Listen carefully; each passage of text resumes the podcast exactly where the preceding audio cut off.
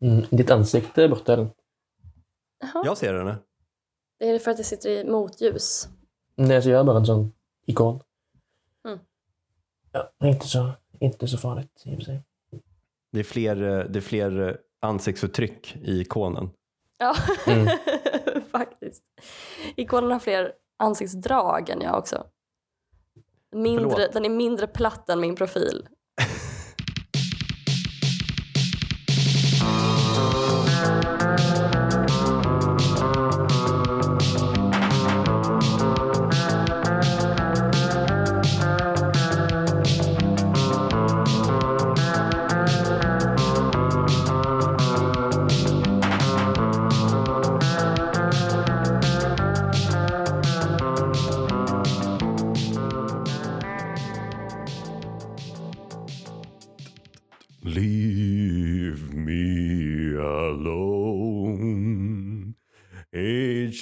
Nej men gud, är du här?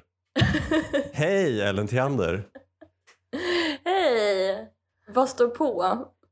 Jag är inne i en Elvis-period, eller har varit ganska länge sedan eh, Håkan Juholt-dokumentären. Mhm. Hur ställer du dig till Elvis? Faktum är att jag precis nyligen såg eh, några filmer med, med musikvideor med Elvis på Youtube. Och Oj, varför då? eh, då förstod jag grejen. Alltså att han Mm. är sexig. För jag har bara Mhm. inte förstått tidigare att han skulle vara sexig. Men, eh, ja, nej, men det satte verkligen allting i eh, nytt ljus för mig. Ett sexuellt uppvaknande. ja. Nej men då förstår jag mer att det var... Jag förstår hans popularitet och jag förstår skandalen. Mm. Ja, för musiken har jag inte mycket för. Du Nej, men känner det var inget verkligen av... så stark sexuell energi som bara färdades genom årtiondena.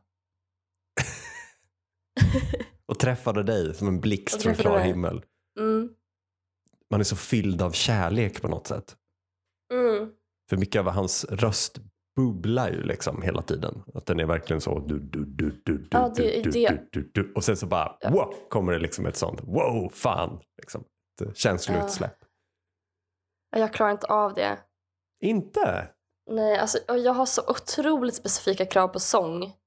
Som jag, alltså det, och det är svårt att förmedla. Alltså folk, jag, jag inser att jag låter galen när jag beskriver mina preferenser för Mm. sång. För det går ju inte att beskriva sin smak nästan, eller förmedla sin smak. Mm. Jag försökte, beskri- jag försökte få tips ehm, från eh, mina kompisar på hiphop igår. Mm. Och då var min beställning, min kravspecifikation var att det skulle vara exakt som Pusha T. Mm. Eh, och abso- det får absolut inte förekomma autotune.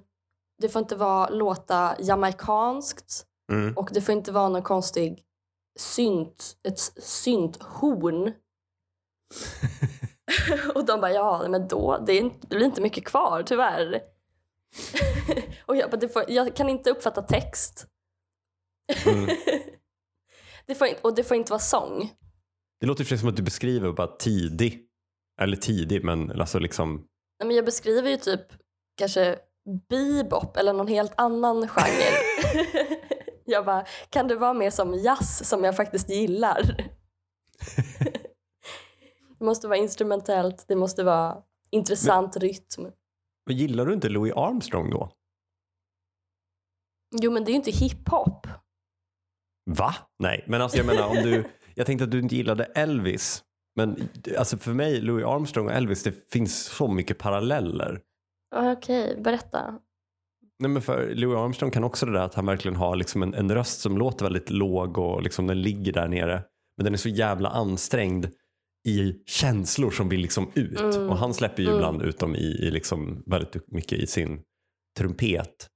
Eh, och det är ju otroligt vackert. Mm. Ja, det är expressionism, eller vad ska säga. Vi kommer få en gäst snart Ja. som också är något av en hiphop-kännare. Mhm. Han skickade en text till mig igår om han försökte få mig att lyssna på Young Thug tror jag. Och då så, så gillade inte jag den skivan som han skickade. Och då skickade han en text försökte övertyga, övertyga mig om att börja gilla Young Thug. Mm. För att han bara, om du får läsa en text kanske du kommer på bättre tankar, nerd. Men, och då handlade den texten om just det här eh, att han är expressionist. Mm.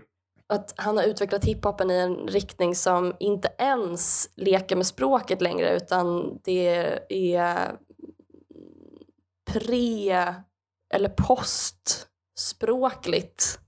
Mhm. Eller pre, alltså preverbala uttryck pratar man om i Mm. språksammanhang när det är liksom tystnad till exempel eller Mm. mer Vad Kul det bara var tystnad. Ett tungt beat. Och sen Young Thug som går fram till micken. Säger inte ett ord. Nej men precis.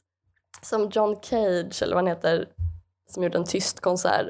Han har mycket gemensamt med Young Thug. Men eh, då, för då handlar det bara om att så här, ja men visst, det är, det är intressant eh, att han uttrycker sina känslor mer omedelbart eh, i ljud bara. Mm. Problemet är bara att jag hatar hans känslor. Om det är sådär de låter. Men det är ju alltså det är mycket som är människor eller vad som helst. Att man, ibland klickar man bara inte. Nej, ibland är man ju på en annan, alltså, en annan våglängd. Ja, man kan uppskatta, man bara ja, ja, men han är jättetrevlig men eh, det är inte för mig liksom. Vi klickar inte. Vi har inte kemi. Nej, men det är som att man, alltså när man pratar så, så, så liksom sitter man, man sitter med en karta som man själv ser. Och den andra personen man pratar med har en egen karta. Och sen det enda man gör är att man skriker liksom vägbeskrivningar. Alltså man, man skriker riktningar. Och vissa människor har man ju en identisk karta med så man tillsammans är på en resa genom de här kartorna och utforskar nya områden och kanske hittar intressanta saker. Men så dyker det upp vissa människor som bara har en helt annan karta. Så man bara, sydväst och de bara, nej nu följer jag ner i ett stup. Jag, Vet du att det här är nästan ordagrant ett exempel som Wittgenstein har på, i Jaha. sin språkfilosofi. sån är jag. Ja. Jag, bara, jag är som tusen apor. Om jag bara får sitta och knacka, knacka, knacka så kommer förr eller senare Wittgenstein. Wittgensteins filosofi ut. Nej men berätta mer. Nej, men han, i motsats till Saussure, är mycket mer, ser språket som mycket mer relationellt. Eller han, han tittar mycket mer på resultat av språk. Mm. Alltså, leder det fram till att vi ses på den här, så här, vi ses vid floden. Mm. Och om, så länge vi ses vid floden så spelar det ingen roll vad du har för karta eller språksystem eh, för att komma dit. Det kan vara att du kanske du, du tolkar det som att här, du måste gå en viss väg, du måste gå via Hantverkargatan och sen eh, svänga upp och gå tillbaka på Bergsgatan och sen gå en jättekonstig i en cirkel. Eh, Men så länge du dyker upp där vid floden så spelar inte det någon roll för att då Mm. har det, kommunikationen lyckats. Och även om, även om du har ett system som är logiskt sammanhängande så spelar det ingen roll om du inte dyker upp vid floden. Sydväst, sydväst ropar Elvis i sin låt. Du bara, det är en vägg där. Jag kan inte gå längre. Sydväst, sydväst fortsätter han. Du skrikandes i väggen. Jag kommer inte över den. Varför förstår du inte vad jag menar? Hej Kim Eklöf och Knut Tackle! Hej. Hej! Välkomna till podden Tusen saker. Tack för det. Tack! Är du programledare idag Ellen? Det är mer att jag känner socialt ansvar för att det är jag som känner er Just det. båda. Det sociala ansvaret att säga poddens namn faller på mig. Men också att du har tagit in alltså en person som pratar norska och en person från Värmland i samma podd. Och vi värmlänningar är ju extremt stolta över att vi förstår norska utan problem. Så jag, jag kommer Ah. aldrig någonsin fråga Knut vad han säger. Nej, Även om jag inte förstår vad han säger. nej. Jag har också bett Knut pra- prata svorsk. Mm. Så alla ni som eh, tror att ni kan norska nu efter att ha hört det här avsnittet, Det är en lögn. det är en lögn. Knut körde bara på easy för er skull. Ja, Jag vill direkt eh, adressera kon i rummet. Knut, du sitter ju framför en eh, stor affisch där det står mellanmjölk. Mm. Vill du eh, berätta lite om den? Eh, ja, det Det betyder, I Sverige betyder det att man är nazist. Va? Eller? Det gör väl det? Nej men nästan. riktigt? Eh, nej, men så det är en svensk affisch som jag har köpt på Moderna Museet i Malmö för några år sedan, tror jag. Jag tyckte den var, ja, den var fin. Något ska man ha på väggen. Men det, är, alltså det har ingenting med mjölk, alltså mjölkdrycken att göra utan det är rent det är designen. Liksom. Eh, ja, men det är också att den tilltalar mig för att jag dricker en hel del mjölk. Ja. Det är ju en jättekänd designer som har gjort den där layouten. Mm, Mikael Reuter. Mikael Reuter. Ja. Det är ju en otroligt fin design. Mm. Tom Hedqvist är det som har gjort eh, mjölkpaketet. Mm. Det står Mikael Reuter på min, på min affisch. Ja, men för det är han som har gjort eh, affischen, men Mm. jag kan inte ge namnet. Ah, ja. Ah, ja, OK ja. men Vadå, för, adapted to the big screen. Är det liksom det Reuter har fått uh, cred för? Han, ja, har, han har skrivit ut en pdf. Stor. ja, exakt, exakt. Pinsamt när jag som konstvetare inte vet vem som har gjort Arla mjölkpaketet. Det här får du klippa bort. Ja, precis. Jag tyckte först du sa att du inte visste att Bror Hjort hade gjort uh, alla mjölkpaketet och jag försökte Nej, verkligen alltså det, föreställa det, skulle ju mig. vara, det skulle ju vara något. Det ja, vill man ju hur hade se. det sett ut? Ja. Riktigt stora bilder på juver bara.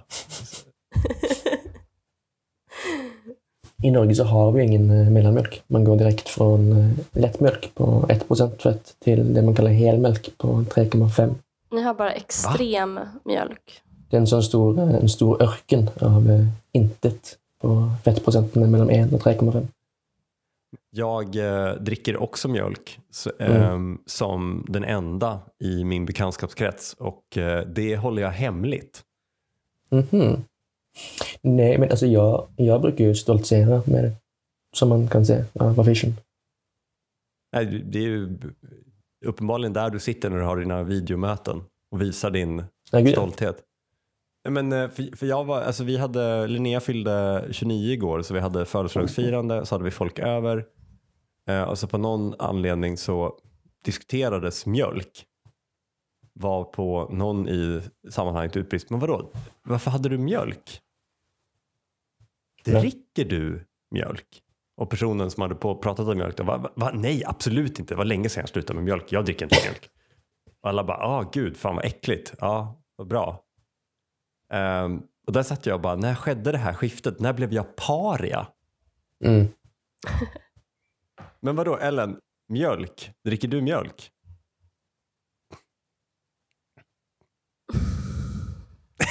Det Alltså, kan om- vara gott. Om du måste tänka så länge så dricker du inte mjölk. Det är ju.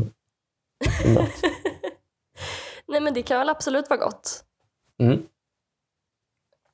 Men, Men- Tycker, tycker du att det är äckligt? Känner du dig, alltså, om du nu dricker mjölk Ellen, vilket jag Knut tror att du inte gör, Mm. att du var en jävla poser. Men eh, om du gör det så är vi ju här någon slags underground extremistgrupp mot majoritetssamhället.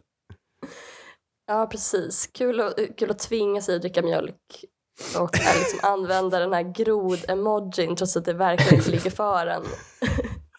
för att man är så trött på identitetspolitik. Men så det har blivit identitetspolitik att dricka mjölk alltså. Men det måste väl ha med Oatly att göra tror jag. Ja, alltså, Mhm. jaha, ja, ja, jag vet inte. För det, det är också något med att det är vitt och att det har man kopplat ihop då med Med vithet. Ja, och att under 30-talet så var alltså det var massa kampanjer för att man skulle dricka Mm. Mjölk i Sverige. Mjölkpropagandan och så vidare. mjölkpropaganda. Ja, Mm. precis. Big mjölk. Mjölkpojken är stor och stark, kaffepojken är klen och svag och så vidare. Exakt, exakt.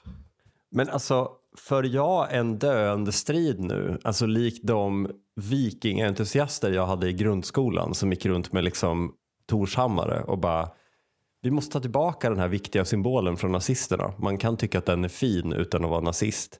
Men Mm. uppenbarligen förlorade de. Alla man ser med en Torshammare tänker man ju typ är nazister. Men är jag likadan nu att jag går med mitt mjölkglas och tänker det här är väl inte problematiskt. Men alla ser liksom folkmord så fort jag kommer gåendes. Mm, eller när jag var på den här Tom Hedqvist-utställningen. Det enda folk ser är liksom att jag är nazist. Det är så enkelt i Sverige att, vara, att bli nazist. Är det likadant i, Mm. i Norge? Att det finns... Nej, alltså här måste man nog faktiskt vara nazist tror jag. För att eh, bli kallad nazist. Mm, Okej. Men, då är det väldigt svårt. Mm, Ja. Man måste typ ha liksom, swastika på armen och eh, ja. Mm. Alltså man kan typ göra en, eh, en Sieg Heil utan att bli nazist. Det kan vara lite Mm, ett tvekfall på något sätt. mm. Otroligt svårt att bli nazist. Ja, ni hade, så hade, hade ni haft våran civilminister, ehm, även om hon hade heilat i Norge så hade alla frågat sig, men har hon begått folkmord? ja, men typ lite så. Alltså, vi hade faktiskt en, eh, en Heil-skandal i eh, nu i veckan. Vi hade en eh, före detta fotbollsproffs och numera fotbollstyckare som ska ha heilat på en karaokebar, bland annat. Mm. Och han är ju ingen som anklagar för att vara nazist. Men är det Han super han lite för mycket och ja. blir anklagad för att ha låg Dåligt ölsinne. alkohol... Dåligt Mm. ölsinne. Det är värre i Norge. i Norge. Nej, vi kan, man kan faktiskt heila på en karaokebar utan att det är något, eh, något nazistiskt. Det är skönt. Men kan, Ja. det, kan det vara kopplat till då att ni faktiskt har liksom upplevt naziststyre? Ja, Mm. kanske att man, man liksom har påträffat äkta nazister som vi vet hur de ser ut. Ja, så kan det ju vara. Vi, här har vi liksom ingen e- vi vet inte vad det är riktigt så vi bara chansar. Mm. Better safe than sorry. kan, det vara, kan det vara mjölk? Är det här krig? Vi har ingen aning. Ja. Det pågår ett krig mot julen. Nu sitter de i Norge och bara, men vadå, har de bombat och dödat folk? Bara, nej, nej, nej, nej. Ett, ett kommersiellt bolag har klippt i en film för att den ska få plats i en reklampaus. Du är här för eh, att presentera en eh, punkt, Knut. Mm. Punkt 324. Man kan vara smart-dum, dum-smart, smart-smart och dum-dum. Och Mm. med oss för att förklara den här punkten, skriven av dig Ellen, men det här är alltså en originalteori utvecklat av friend of the pod Knut Mm. som är här för att hålla en äkta föreläsning. Mm. Jag har ritat en sån här fyrfältare framför mig där jag ska liksom skriva Ah. in och försöka placera Jaha, ut folk. Ja, perfekt. Eh, Ja. Det gör sig bra på radio. Eh, ja, precis. Eh, nej, men alltså det är ett, eh, ett litet system som jag utvecklade för eh, några år sedan som går ut på att man indelar människor i olika grupper. Eh, Är det nazism? Ja, nazism, eh, nej, alltså inte, inte här. Eh, inte i detta land. inte i Norge. Nej, men alltså det går ut på att... Eh, oh, gud, det låter ju. Eh, det går ut på att alla människor är antingen smarta eller dumma. Och sen är alla smarta eller dumma människor också på andra sidan dumma eller smarta. Så man kan vara en i grunden dum person som är lite smart. Eller man kan vara en i grunden smart person som är lite dum. Mm. Men man kan också vara en dum person som endast är dum. Mm. Precis. Och vill du ta några exempel på... Det blir typ jätteelakt, men... eh, Nej, men okej. Alltså, det, det, det första jag tänker på är ju eh, Alex och Sigge. Framförallt Mm. Sigge Eklund är ju typisk smart dum. Men du har ju en eh, favorithackkyckling som är Johannes Klenell. Eh, nu skulle jag säga att det är en klassisk smart dum kille. Och då tror jag alla förstår vad man menar. Att man är dum i grunden men bara har en påbyggnad av smarthet. Ja. Jaha, är inte det, det är inte dum-smart. Det är smart-dum. Ja. Mm. Ah, så påbyggnaden Så det, kommer det först. sista, sista, sista ordet är grunden. på sätt. Mm. Vänta, jag måste vända min fyrfältare här. Nej, men så, om man inte ska liksom gå på personangrepp så kan man ju tycka att eh, alltså sån där fantasy Premier League-killar är liksom de klassiska smarta dumma. Fantasy Premier League. Kim, vill du, vill du förklara? vill du förklara konceptet? Nej, men Fantasy Premier League är väl bara att man sätter ihop, alltså du, du sätter ihop egna fotbollslag och, och pittar dem Mm. mot varandra i egna påhittade tävlingar. Men det är baserat på riktiga, riktig statistik från Premier Mm. League. Mhm. Nej, men jag skulle säga att det är klassisk eh, smart dum kille. Det är också liksom den, eh, den kategori som är liksom, skulle jag säga, enklast att identifiera. Eh, ja, det är den klassiska fantasy-killen. Eh, killen med, som lyssnar på fantasy-podcast, som läser fantasy-statistik och så vidare. Mm. Det är ju i och för sig smarta aktiviteter i ett otroligt dumt syfte, skulle jag säga. Så, Mm. Men också poddar ja, alltså poddar Tyvärr. generellt är ju... Ja, generellt är ju väldigt eh, smart dum. mm. Jag Ursäkta en, en dum-dum person. Det är alltså en smart person som gör dumma saker. Nej, Eh, nej, det är omvänt en dum person som gör smarta saker. Dum-smart. nej. Smart, Smart dum. dum. Mm. Okej, Okej, ja, men då är jag med. Ja, just det, för förledet var, förledet var påbyggnaden. Jag gör om min fyrfältare för tredje gången. Alltså jag tänker ju att en, en, dum, en dum, dum person är ju ja, självförklarande kanske. Det är bara en dum person. Ja. Och lite samma sak med en smart, smart person. Det är bara en smart person som gör smarta saker. Mm. Um, men kanske den um, dumme, smarta personen. Mm. Det är den mest Mm, älskvärda. Ja, det är kanske den klassiska himbon, för att låna Mm. lite internetlingo. Mm. Vad betyder det? Det betyder en uh, hi-bimbo. Du föreslår Mm. att alla som är smarta är män. Nej. Måste vara just en himbo. Nej, så det kan, det kan ju också vara en bimbo, i och för sig. Ja. Men har inte du försökt, eh, alltså inte på tal om bimbo nu, eller, eller fan det blir svårt där, men har inte du försökt placera in Kajsa Ekis Ekman i det här? Eller, Äh, Hon kanske är... hon är väl dock mest smart smart, eller? Ja. Men hon har ju en dum klädstil liksom. Alltså hon kan ju skriva extremt smarta saker som man liksom nästan blir övertygad av och sen läser man dem och bara, fast du argumenterar för något dumt. Människor som är väldigt eh, liksom, klart formulerade och har en väldigt tydlig, liksom, en tydlig grund och är duktiga på att kommunicera kan ju ibland dölja dumheter i bara Mm. ett extremt bra sätt att kommunicera på. Mm. Det tydligaste Alla är väl kommunikatörer. hela vår ekonomi. Ja, ja, men lite så. Hela vår För det är ju ekonomi, typ- verkligen. Ty- typiskt smart dum, vår ekonomi. Nej, men det är ju så här, alltså, kommunikatörer, kommunikatörsyrket funkar för att du är dum. Alltså, det här har vi haft liksom problem med, att kommunikatörer ska vara dumma. Eh, men de Mm. ska vara dumma på ett slagkraftigt vis så att de kan formulera ett smart budskap på ett dumt sätt så folk förstår.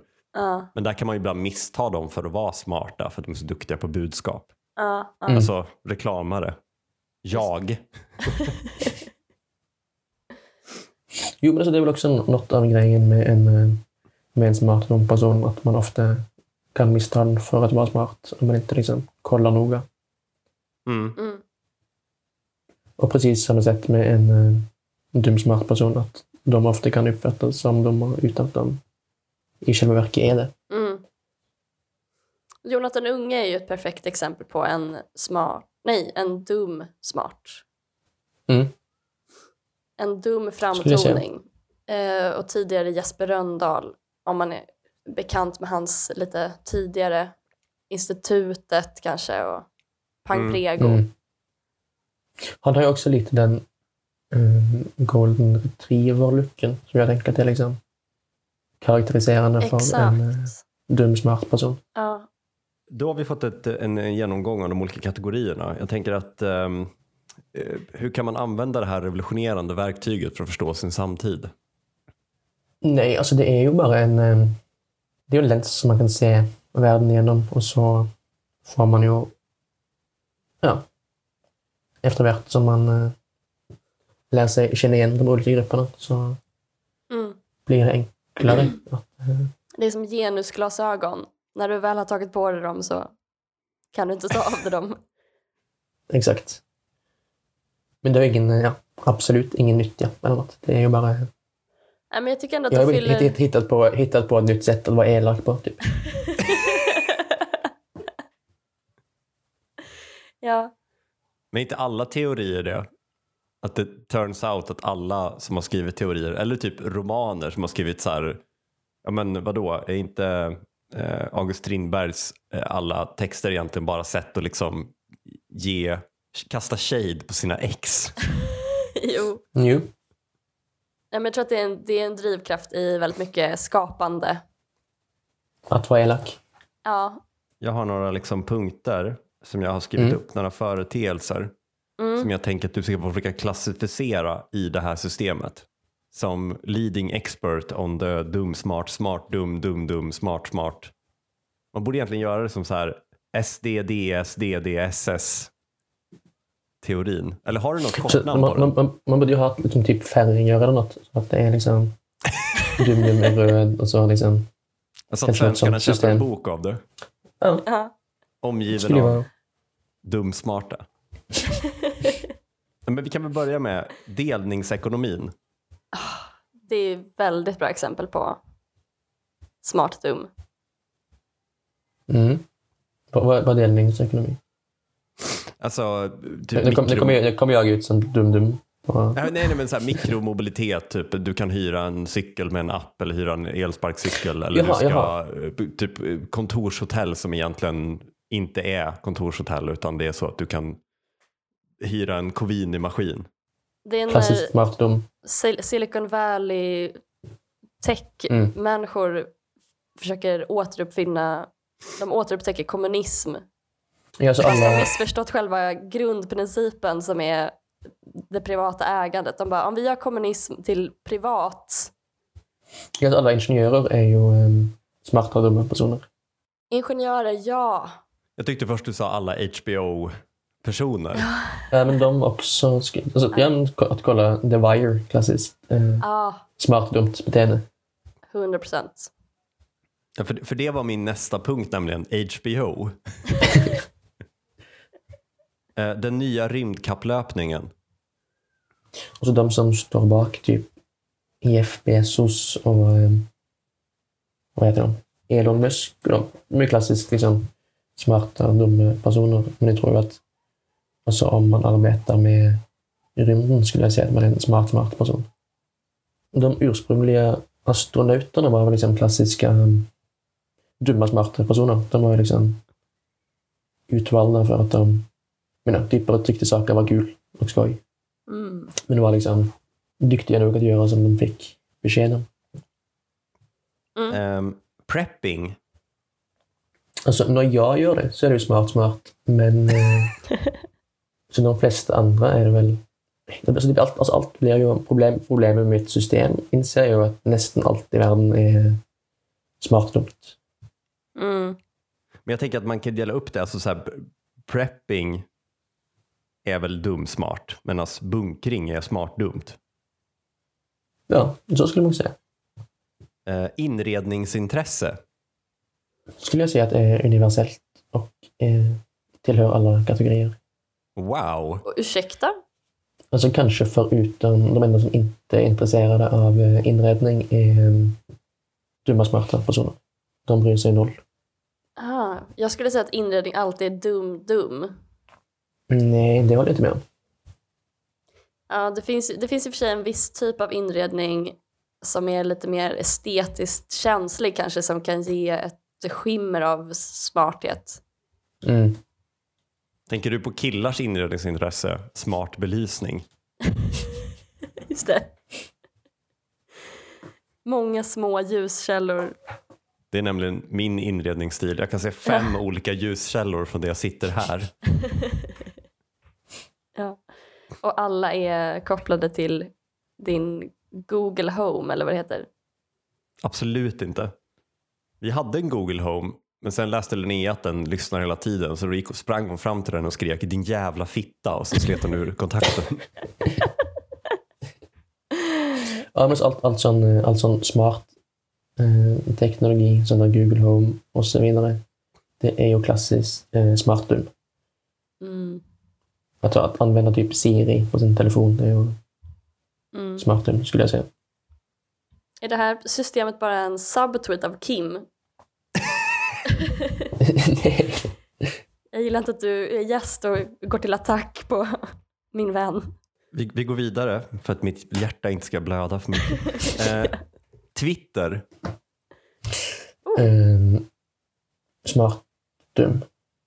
Varför? Alltså alla på den sajten är ju så nu ska ni lyssna här vad jag har fattat som ingen annan har fattat och sen har typ alla fattat det. Mm.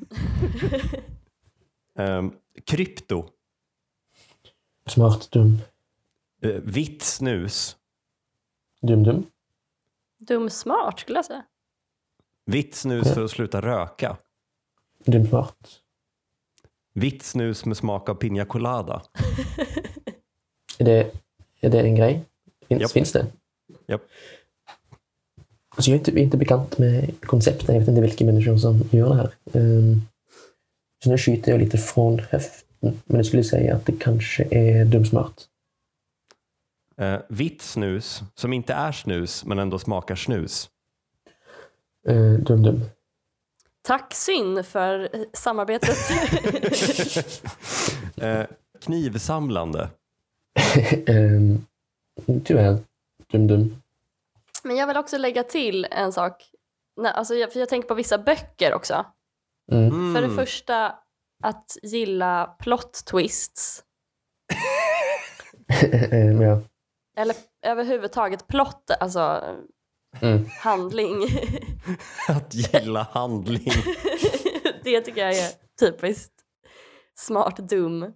Och typ gilla Sally Rooney eh, och samlade verk. Jag, jag, vi, vi, har pratat, vi har pratat mycket om, eh, om killgrejer och eh, man måste inte glömma att också tjejer kan vara dumsmarta och smarta dumma. Så jag samlade verk, Sally Rooney, eh, är väl kanske goda exempel på det. Ja, ett litet liv.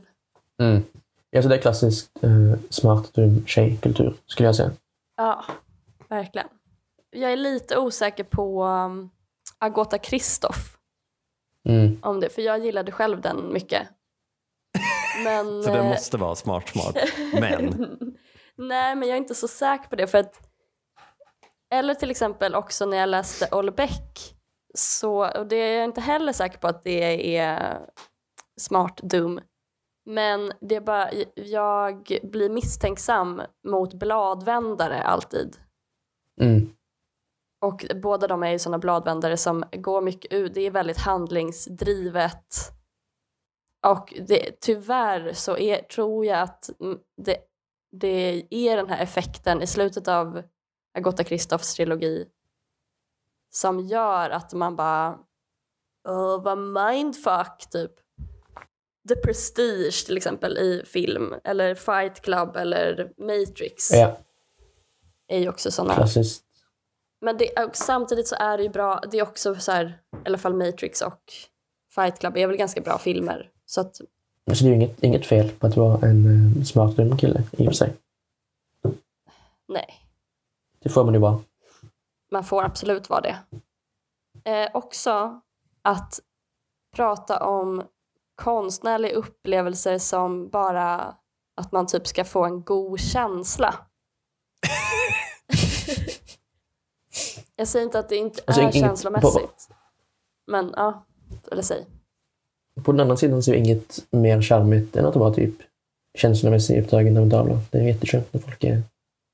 Ja, verkligen. Och det är väl, alltså det är väl någonting i intuition också som är eh, dum smart. Alltså för att Mm. då är det, det är en så komplicerad tanke att man bara kan den är bara känslomässig på något sätt, eller intuitiv. Mm. Ja, men, ja, exakt. Den intuitiva. Alltså den, den, eh, alltså den smarta, dumma personen vill eh, läsa en massa fotbollsstatistik för att bestämma vilken är den bästa fotbollsliraren medan den dumma smarta personen vill bara kolla en match och säga ja, han var bra. Ja, Ren, ren feeling som också når in till korrekt resultat på något sätt. ja. Okej, det- och samma sak gäller ju för konst. Alltså att man, om man är smart dum så vill man läsa en liten skylt, en liten text om tavlan. Mm. Så jag är emot både det och känslomässiga konstnärliga upplevelser. De ska bara få vara där. Mm. Tavlor, ta, ingen, ingen ska kolla på tavlorna. Du känner ett ägarskap över konsten som eh, ny, eh, nyblivna föräldrar gör för sitt barn. Att de vill visa upp det för hela världen men de vill också döda alla som någonsin har lagt ögon på deras ögonsten. Ja, alla gör fel när de tittar på ens barn. Exakt. Ja, men tack så jättemycket för eh, det här otroligt användbara systemet, Knut. mm. jo, Tusen tack. Inget problem. Hoppas, ja, hoppas ni kan använda detta i er vardag för att bli ja, elakare och eh, mer dömande. Ja. Punkt 360. Kims sallad. Nudelwok, picklad lök, broccoli, grönkål. Ett spenatblad för att hålla sig sysselsatt medan en annan person tar kål. Lax, vegobullar, rostad lök, gryta som sås och cherry zero. 100 kronor. Ja, det här är en eh, punkt jag har skrivit. Jag har dikterat den här punkten. Du har dikterat, jag har skrivit. Nej, men det här är en sammanfattning av en plocksallad jag tog en gång. Eh, som jag kände, det här är content. eh, nej men alltså, den, jag, eh, nu var det faktiskt länge sedan för att jag vet att jag är dålig på dem, men sådana här plocksalladsbarer. Jag eh, har ingen plan. Jag bara tar grejer jag tycker är gott som inte funkar ihop överhuvudtaget. Det blir liksom en så riktig liksom chaotic, chaotic Eller chaotic evil. chaotic, vad säger man, chaotic neutral, att det bara är Ja. kaotiskt i allmänhet. Att, att jag borde ha liksom en personal som, jag borde ju liksom ha en sån här person som i, Pippis godisbutik. Att det är liksom, man går fram och säger hej, jag är lite sugen på något asiatiskt inspirerat eller jag vill ha en skärgårds-vibe på min sallad. Nej, Men jag behandlar redan eh, liksom, personal på det sättet. Alltså jag eh, är en väldigt krävande kund på det sättet att jag frågar vad jag ska köpa. eh, för att jag har ingen aning. Alltså lägg inte det här ansvaret på mig att välja liksom, mellan Snickers och eh, Japp. Ja. Eh, jag behöver liksom ett expertutlåtande. Mm. Eh, Så jag tycker att i princip alla butiker borde vara mer som Systembolaget kanske. Ja. Alltså jag skulle säga att jag har samma problem med en salladsbar, att man, eh, man vill ju ha allt som är gott. Mm. Och då förlorar man kanske greppet om kompositionen av salladen. Att Man, måste Mm, ha, mm. man, kan inte, man kan inte bara ha goda saker i eh, sin sallad. Det är inte en, en godispåse. Man måste ha liksom lite olika saker som binder ihop. Man kan inte ha både lax och vegobullar, även om det är isolerat sett goda saker. C-dur Mm. och eh, fiss är liksom... Du vet, jag Det ser, är inget jag ser fel ett på piano. dem i sig. Jag kan inte välja ton. Så jag Nej, lägger mig på piano. ja precis. Det man vill ha är någon sorts salladsharmoni. Det är det Ja. man ska åstadkomma. Man kan gilla både Wagner, Tchaikovsky, Beethoven, Mozart. Men om du spelar upp alla samtidigt så... Ja, så du kan inte ha alla i samma, i samma playlist. Det går inte. Och så, det är ju kanske valfridomens paradox. Då, att man, eh, nej, men så det är kanske i, i salladsbaren att människan är mest sig själv. Är man på sitt mest egoistiska, sitt minst eh, konsekvent, konsekvenstänkande, då är man ja, rent ego. Ja, men det är som ett litet test av, av liksom kaos. För att det finns ju till exempel när du tar andra typer av bufféer eller liknande så finns det ju kanske ofta en, en, en ordning, alltså ett sätt att ta saker på.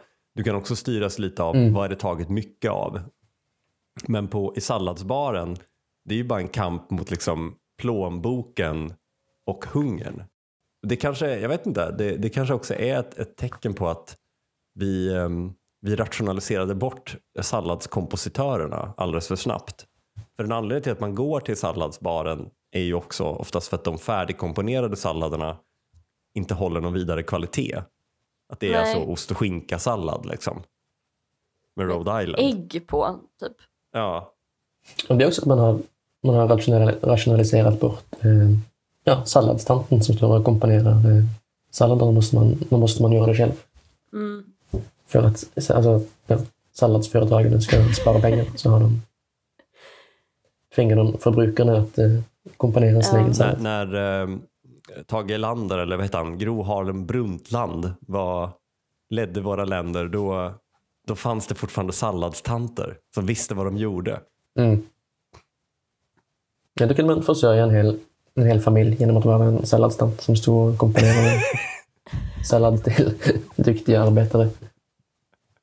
Och sen, sen kom Margaret Thatcher och då, nu måste en salladstant ha tre jobb. Och, Hennes Mm. man måste också jobba och ändå får de inte ekonomin att gå ihop. Det är allt större del av samhället som bara är att vi måste göra allt jobb åt, att allt är outsourcat till individen. mm. Nej, för jag är likadan på Skatteverket när jag loggar in där. För då kommer man ju in till en sån här Mina sidor. Så jag klickar på allt. Jag bara, äh, vadå, kan jag, ska jag göra något avdrag för tjänsteresa? Nej, okej, ja, men det ska jag inte göra. Uh, rot och rut? Nej, det ska jag inte heller göra. Att jag, så, jag ska bara in och göra min inkomstdeklaration. Men det är så många valmöjligheter så att jag bara, uh, vårda barn? Frågetecken. Köp av gruvmark, den blanketten behöver jag också. ja. Men äh, Skatteverket är ju som att ha... Du har en salladsbar, men du har också en salladstant som är utbildad kompositör av sallad. Som Ja. står och dömer dig och vet. Hon har ju svaret, men hon Mm. kräver att du gör det själv. Bara för att hon sen, om du gör fel, drar hon dig liksom inför någon slags salladsdomstol. eh, det är så otroligt obehagligt att liksom, men om du, du, du har ju redan svaret, varför gör du inte bara åt mig? Nej, men det, det är ju alltså så här, det är ju något sätt, salladsbaren blir ju den obemannade salladsbaren. Vi pratar om att det har funnits en bemannad salladsbar, men, eh, eh, nej, men den obemannade salladsbaren är väl på något sätt ett uttryck för det som, eh, som dyker upp i eh, eh, Sveriges Radios valserie nu inför valet, när de har en serie om, om valfrågor som inte blir av. Alltså saker som borde vara valfrågor men som inte är det. Och Det de ofta landar i är att många av de här väldigt stora svenska samhällsproblemen har blivit individualiserade. Man har gjort om att det är liksom ditt fel att du inte hittar en bostad, det är ditt fel att du inte sysslar nog med mindfulness så att du blir utbränd. Mm. Ehm, så, och Det kan ju i viss del handla om alltså, ekonomiska realiteter. Samhället skars ner så mycket på 90-talet att man hade inte råd att hålla sig med liksom, en ordentlig bostadspolitik eller ett fungerande skolsystem till exempel. Men eh, en annan del kan ju vara att, att samhället kände att man inte heller kunde ta ansvar för allt dåligt som skulle kunna ske ifall man gjorde fel. Och det kanske, var, det kanske är där, som Knut var inne på, vad kostar egentligen en salladstant? Förmodligen inte så mycket. Men kan det, ju, kan det ju inte också vara så att salladstanten faktiskt är ett, eh, ett plus för samhället? Att om man hade någon, eh, någon salladstant man kunde prata lite med som eh, då gjorde åt sin sallad så skulle folk inte känna sig så ensamma. Och, Mm. och så nu är man ju, nu är man ju fullkomligt atomiserad i den stora liksom, salladsbaren. Ja. Eh, om man vandrar runt utan medmänsklig kontakt. Mm. Mm. Men i liksom folkhemmet, då kunde man ja, prata lite med salladstanten och då kanske ens dag inte var så Man, seglar, man seglar själv på ett ynka spenatblad genom ett hav av uppskuren avokado Mm. och känner sig vilsen. Med ingen salladstant som håller den i handen.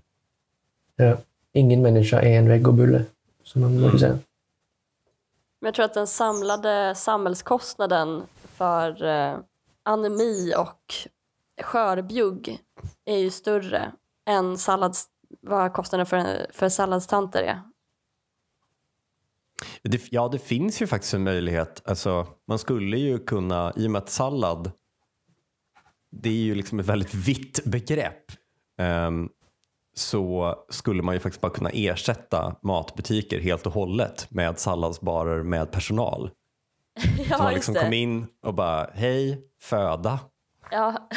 Man kanske lämnar ett blodprov. De bara, oj, oj, oj, B12 min gode vän, har du hört talas om det? ja, ja. I varje by en salladsbar. Tack för att du kom hit Knut Stackle. Jo, eh, bara hygglig. Tack för att du kom hit Kim Eklöf. Tackar, tackar. Och tack för att du ledde oss genom det här som poddens egen salladstant, Ellen Theander. Tack. Jag sa som sagt bara namnet på podden.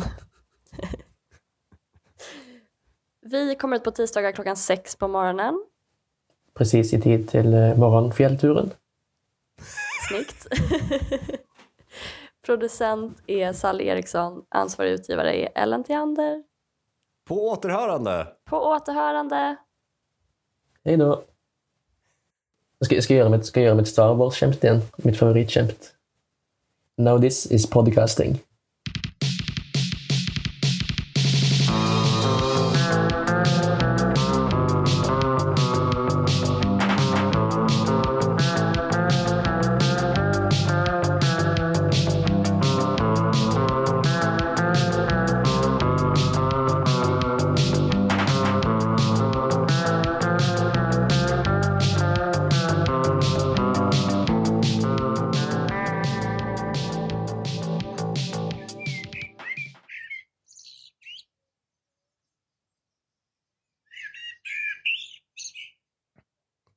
Att jag har en entita utanför fönstret som låter jättemycket.